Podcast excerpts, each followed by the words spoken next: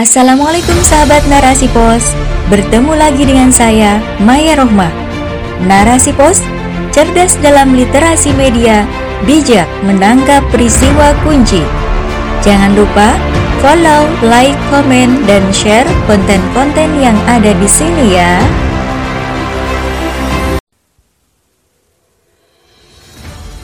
Negara minim solusi Vaksinasi di tempat rekreasi oleh Ukinai.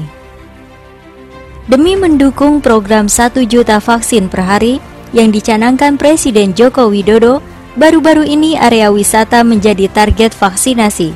Di Cicalengka, Kabupaten Bandung misalnya, forum komunikasi di wilayah ini menginisiasi sebuah program bertajuk Vaksi atau vaksinasi asyik di tempat piknik. Upaya ini dimaksudkan untuk menarik warga mengikuti vaksin COVID-19 tanpa harus lelah mengantre. Sambil menunggu giliran, warga bisa menikmati objek wisata di alam terbuka. Untuk kelancaran program tersebut, pemerintah Kabupaten Bandung menyiapkan 122 tempat wisata sebagai sentra vaksinasi COVID-19. Sayangnya, pelaksanaan di lapangan tak semulus yang diharapkan. Bupati Bandung, yang akrab disapa Kang DS mengaku stok vaksin saat ini telah habis. Padahal baru 11% dari warganya yang sudah vaksinasi secara penuh dan 39% lainnya baru mendapat dosis pertama. Tak hanya menyiapkan tempat wisata, Kang DS juga mengaku telah menambah 800 tenaga kesehatan sebagai vaksinator. Tahap pertama, vaksinasi digelar di Cicalengka Dreamland dengan target 600 pelaku usaha pariwisata dan ekonomi kreatif. Upaya ini menurut Kang DS adalah salah satu solusi positif bagi mereka yang berkecimpung di sektor pariwisata dan ekonomi kreatif.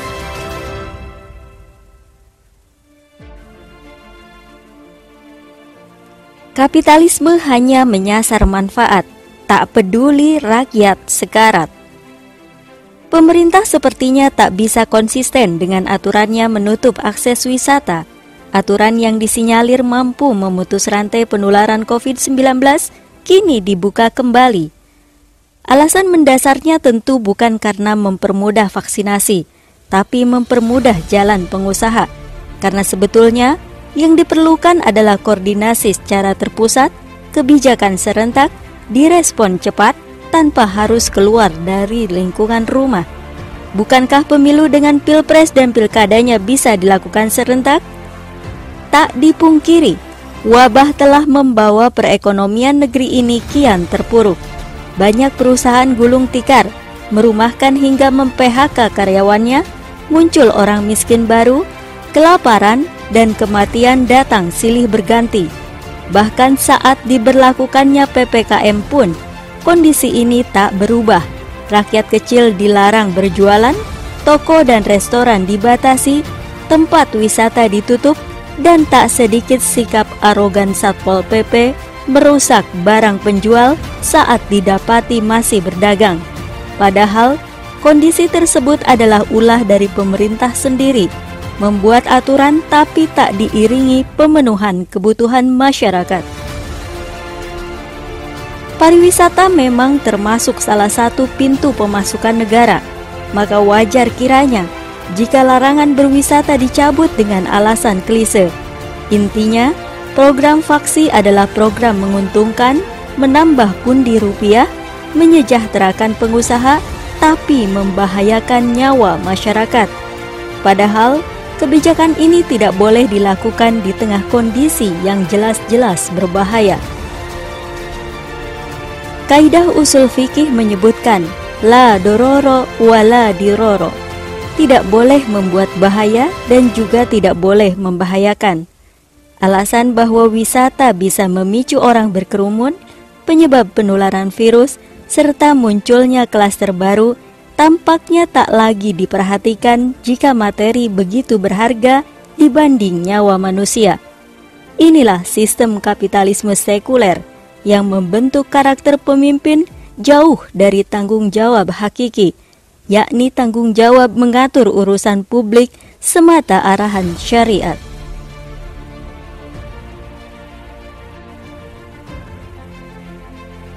Kebijakan tepat hanya datang dari syariat.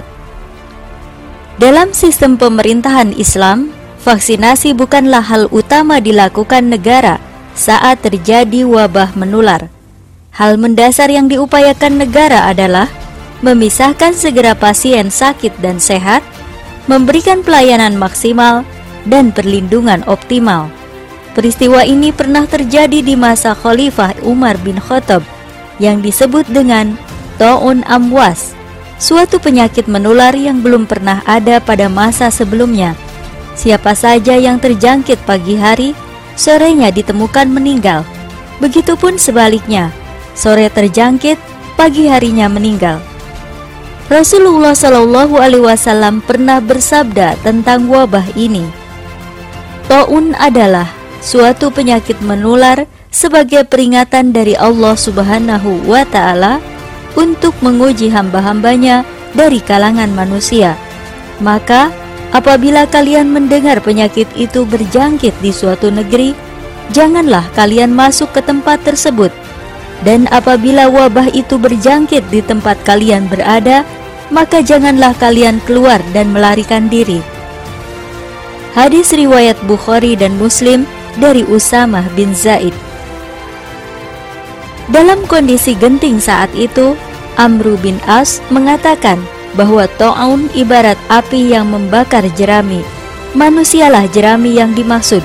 Maka Amru bin As mengusulkan pada Khalifah Umar agar para penduduk segera menyebar ke bukit, gunung, dan tempat lain, agar tidak berkerumun atau saling berdekatan.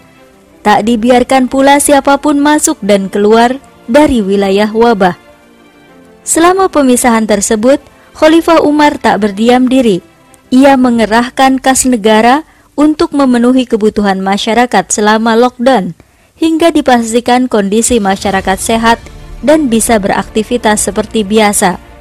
Upaya ini berhasil memutus rantai penularan secara cepat karena kesigapan Umar radhiyallahu an dalam mengeluarkan kebijakan sesuai syariat yaitu sejalan dengan praktik yang dicontohkan Rasulullah ketika menghadapi wabah lepra. Dalam hadis lain dari Abu Hurairah radhiyallahu an, Rasulullah shallallahu alaihi wasallam bersabda, "Janganlah yang sakit dicampur baurkan dengan yang sehat." Hadis riwayat Bukhari Muslim. Adapun terkait vaksinasi, jika kondisi mengharuskan, negara akan mengerahkan tenaga ahli, memfasilitasi, mendanai, serta memastikan kandungannya aman sebelum diberikan kepada masyarakat. Semua itu menjadi bukti bahwa tanggung jawab negara benar-benar berfungsi sebagaimana mestinya sesuai dengan sabda Rasulullah Shallallahu Alaihi Wasallam. Al-imam itu adalah ro'in atau pengurus atau penggembala ia bertanggung jawab atas apa yang menjadi tanggungannya, yaitu rakyat. Hadis riwayat Bukhari. Demikianlah seharusnya pemimpin saat ini melindungi warganya. Tak perlu bergonta-ganti kebijakan jika syariat telah mengajarkan. Seorang pemimpin tidak boleh tunduk pada intervensi asing, semisal kapital dan korporat, tidak juga membahayakan serta menzolimi rakyat dengan aturan yang dibuat.